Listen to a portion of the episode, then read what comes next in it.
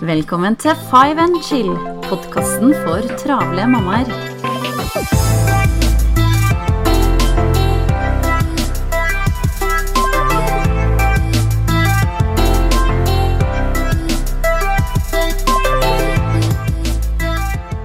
Hei, Dianne.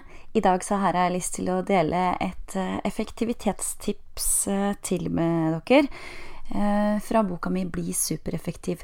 Og det handler om prioriteringa og det å kunne si nei. Fordi at vi vil så innmari mye, men tida strekker rett og slett ikke til.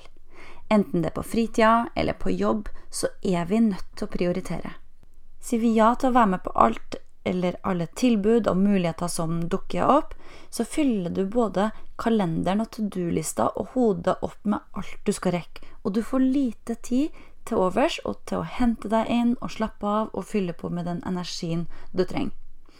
Og det høres kanskje kynisk ut, men vi er nødt til å prioritere for å kunne ta vare på oss sjøl, rett og slett. Så prioriter det som er viktig for deg akkurat nå i denne perioden, og takk høflig nei om det er noen ting du kjenner verken vil gi deg energi eller bringe deg nærmere dine mål. Er det familielivet som trengs litt ekstra omsorg i en periode, planlegg aktivitetene deretter.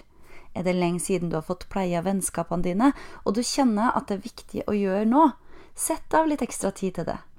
Eller har du som mål å komme deg oppover i firmaet, prioritere nettverksbygging og oppgavene som du vet vil hjelpe deg til å nå det målet. Jeg ønsker deg en fortsatt fin dag, og du jeg hadde vært kjempeglad hvis du kunne gå inn på iTunes og så rate denne podkasten, sånn at jeg rett og slett kan nå enda flere med de tipsene her. Vi høres igjen snart. Ha det bra så lenge.